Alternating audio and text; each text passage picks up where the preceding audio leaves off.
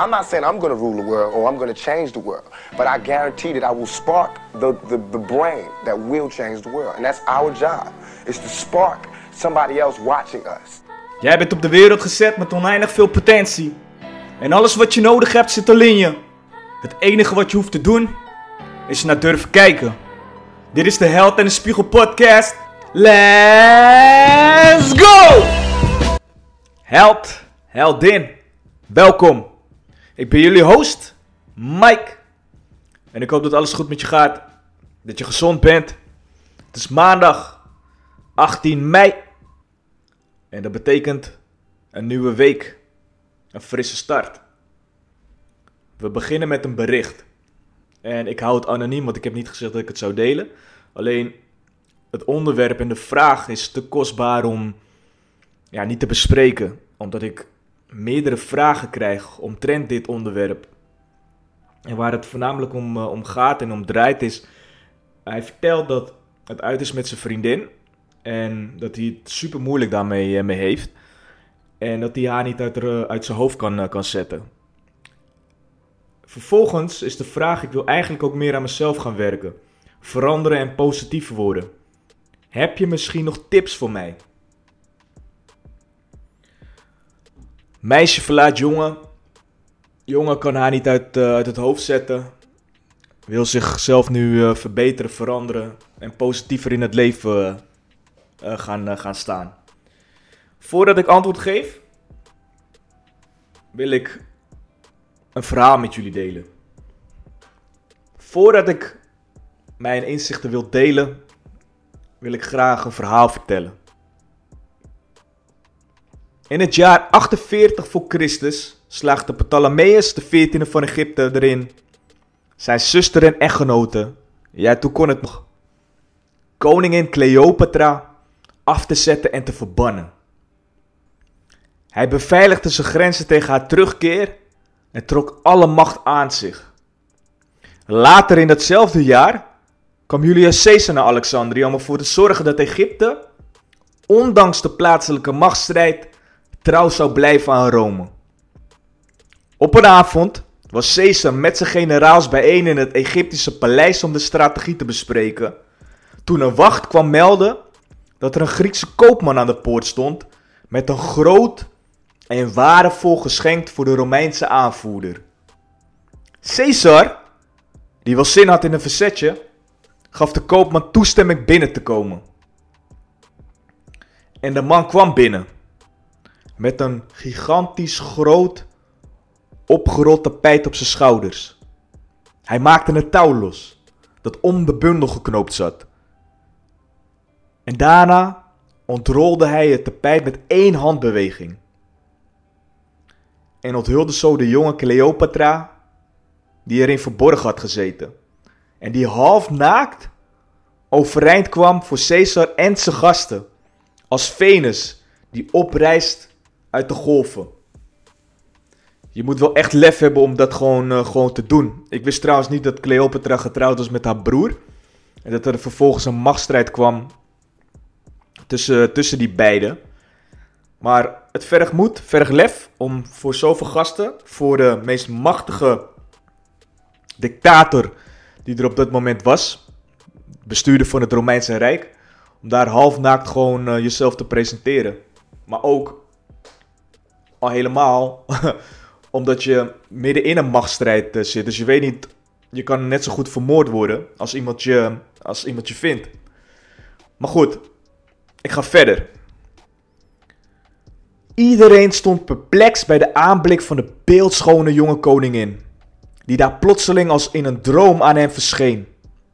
Ze stonden versteld van haar lef en gevoel voor drama, zoals ze zich s'nachts een haven had laten binnensmokkelen met slechts één man om haar te beschermen en alles op het spel zetten in één waagstuk. Niemand was zo verrukt als Caesar. Volgens de schrijver Dio Cassius was Cleopatra in de bloei van haar leven. Ze had een verrukkelijke stem die iedereen betoverde die hem hoorde. Haar persoonlijkheid en stem waren zo bekoorlijk dat zelfs de keelste en meest verstokte vrouwenhater in haar netten verstrikt raakte. Caesar was betoverd zodra hij haar zag en ze haar mond opende om te spreken. Nog diezelfde avond werd Cleopatra Caesars minnares. Dus het was een. Haar stem, haar persoonlijkheid had een bepaalde magie. Een uitstraling waarbij zelfs eh, Caesar betoverd eh, raakte. En niet alleen Caesar, maar zelfs de meest erge vrouwenhater. Die kon ze gewoon puur door haar verschijning, haar aura, haar energie, kon ze uh, betoveren.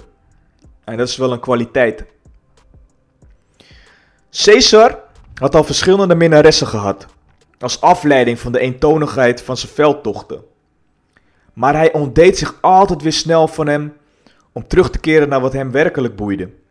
Politieke intriges, de uitdagingen van de oorlogsvoering en het Romeinse theater. Caesar had vrouwen alles zien proberen om hem vast te houden. Zoals ik het nu hoor en lees, had uh, Julius Caesar een mannelijke seksuele essentie. En dat betekent eigenlijk dat je op zoek bent naar vrijheid en de uh, prioriteit geeft aan je belangrijkste doel. Dat kan van alles zijn. Dat kan politiek zijn, oorlogsvoering, uh, spiritualiteit, artistiek. Alles eigenlijk wat uh, een drijver is uh, voor, voor jouw leven. Dus een vrouw kan nog steeds haar best doen om zijn aandacht te trekken. Alleen zijn mannelijke kern, dat geeft prio aan zijn levensmissie. het is pure toewijding aan, aan zijn levensmissie. Dus de vrouwen in zijn leven die konden alles eraan doen om zijn aandacht te trekken, maar ze kwamen toch uh, sowieso op de, de tweede plek. Toch kwam Cleopatra als een donderslag bij heldere hemel. Nu eens vertelde ze hem hoe ze de glorie van Alexander de Grote kon doen herleven, om als goden over de wereld te heersen. Dan weer vermaakte ze hem verkleed als de godin Isis en omringd door de weelderigheid van haar hof. Cleopatra wijde Caesar in de meest decadente fantasieën in als de belichaming van alles wat aan Egypte exotisch was. Zijn leven met haar was een spel zonder eind. Even uitdagend als oorlogsvoering, want zodra hij zich bij haar op zijn gemak voelde, werd ze plotseling kil en boos. En moest hij weer een manier vinden om haar gunsten terug te winnen. Cleopatra was niet eens de mooiste vrouw van, uh, van Egypte. Er waren een aantal vrouwen die veel, vele malen mooier waren dan, uh, dan zij. Alleen wat zij onder de knie had was het spel en uh, de macht van, van het verleiden. Wat Cleopatra deed was, zij bewerkte in eerste instantie bewerkte ze gewoon de geest. En daarna prikkelde ze de fantasie. En ze zorgde eigenlijk ervoor dat Caesar en de mannen die ze had steeds maar meer wilden. Ze creëerde patronen van hoop, wanhoop. En Daardoor was zij nog krachtiger en machtiger dan de meest machtige mannen. Allemaal vanwege het spel en de psychologie. Een man, ze zeggen wel eens, it's a man's world. De man heeft de macht. en vroeger in tijden, in oude tijden, uh, gebruikten ze altijd fysiek geweld. Om aan uh, macht te komen. Brute kracht, mannelijke energie. Een vrouw, die kon daar never nooit uh, de macht uh, grijpen als het om fysiek geweld gaat. Dus ze hadden iets anders nodig om aan de macht te komen. Zoals Cleopatra. En sommige vrouwen, ja, dat was echt um, de honger naar macht gewoon gigantisch. Dus ze moesten iets bedenken, creatief zijn in ja, gewoon een andere vorm om, om macht te, te, te krijgen. En dat werd verleiding. Adam en Eva. Eva was degene die werd verleid door de slang.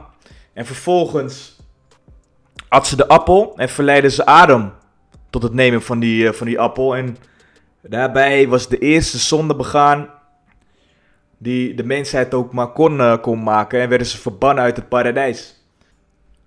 De macht van het verleiden is een van de meest krachtigste wapens die er is. En niet alles heeft met verleiding uh, te maken, maar De essentie is de betovering. Dat je je helemaal laat domineren door de gedachten van een vrouw. Dat ze of weg is gegaan of dat je er wil hebben. En dag en nacht ben je daarmee bezig. Het hele gevoel dat je gewoon langzaam gek aan het worden bent. En je bent niet meer hier. Je bent niet meer in je lichaam. Je bent niet meer in je zijn. En dat is het ding. Dat je niet meer bewust bent van waar je mee bezig bent. Bewust zijn van wie je bent en wat daadwerkelijk nou jouw aard is en jouw zijn. Als ik terugga naar het verhaal van Adam en Eva bijvoorbeeld. In eerste instantie, als ik er naar luister en ik lees het, dan denk ik ja, het is de schuld van, uh, van de, de slang en van Eva.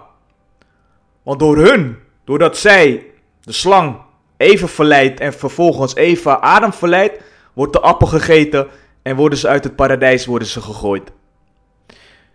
Maar dan kijk ik verder en dan denk ik, wacht eens even. Maar Adam, waar ben jij? Waar is jouw bewustzijn? Waar is jouw kern? Waar is jouw innerlijk kompas dat zegt nee?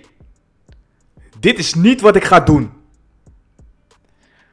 Waar is Adam als het gaat om het paradijs?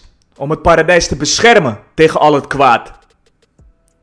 Om niet in de situatie te komen waar ze vervolgens in zijn gekomen.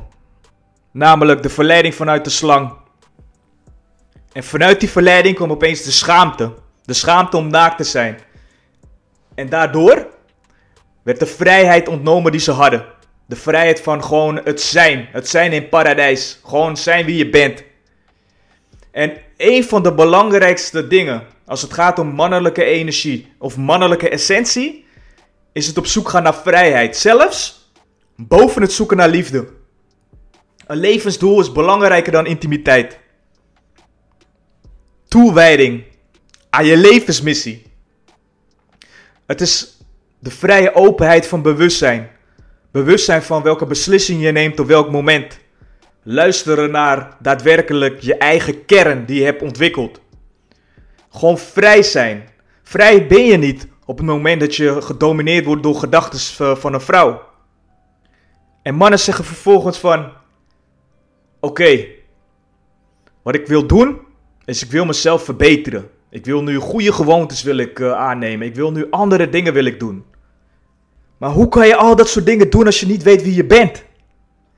Dat is de basis. Op zoek gaan naar die vrijheid, naar je levensdoel. En een vrouw wil voelen dat jouw vrijheid tot uitdrukking komt in een relatie met haar. Want om een voorbeeld te geven, ik was de laatste tijd zo druk bezig met mijn levensmissie. Dat ik de intimiteit en de liefde uh, vergat.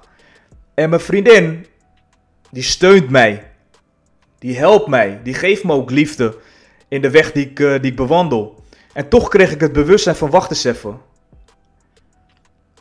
Ik ben, mijn levensmissie ben ik aan het, uh, aan het volgen, mijn pad. Ik ben het allemaal aan het doen, maar ben ik vrij? Of ben ik alleen maar gefocust op alleen maar die missie? Want echt vrij zijn en echt bewust zijn, dat doe je in alles.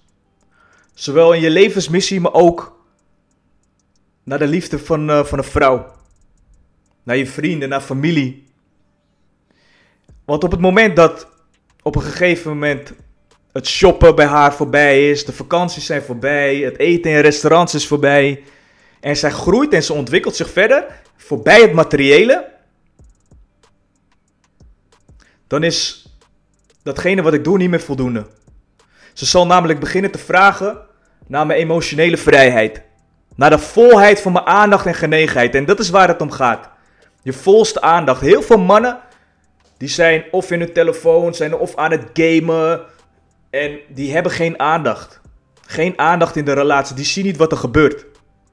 En uiteindelijk, als je lang genoeg leeft, dan weet je ook en dan besef je ook dat wat ik doe qua je levensmissie of qua het pad wat je nu aan het eh, volgen bent, je kan het nooit volledig kan je het vervullen.